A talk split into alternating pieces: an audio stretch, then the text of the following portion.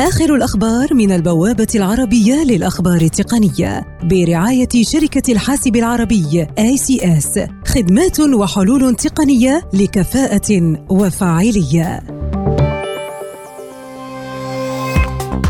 سامسونج تطلق هاتفها الذكي الجديد جالكسي A2 Core الذي يقدم ذاكرة وصول عشوائي بحجم 1 جيجا بايت وذاكرة تخزين داخلية بسعة 8 أو 16 جيجا بايت ويعمل بالنسخة المخففة أندرويد جو تسريبات تقول إن آبل تستعد لإطلاق النسخة التجريبية لنظام iOS 13 مع الوضع الداكن على مستوى النظام وهي ميزة ظهرت لأول مرة في تطبيقات iOS الفردية وتوفر عمر البطارية.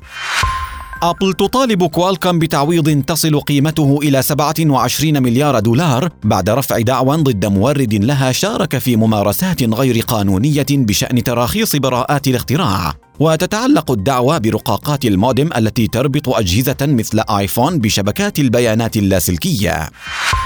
اكتشافات تقول إن فيسبوك تختبر إمكانية تصفح منشورات آخر الأخبار مثل القصص من خلال دمج الميزتين معا عن طريق واجهة تتيح تصفح آخر الأخبار بواسطة بطاقات قابلة للتمرير افقيا.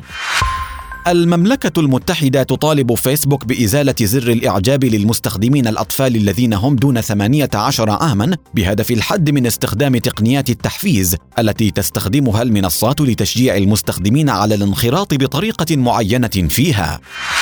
جوجل تنشر التشويق لشيء جديد تعتزم الإعلان عنه في شهر مايو المقبل يتعلق بعلامتها التجارية بيكسل ويتوقع أن تكون الشركة تلمح إلى الإعلان عن هواتف بيكسل جديدة بعد تسريب تفاصيل مواصفات متعلقة بالهواتف.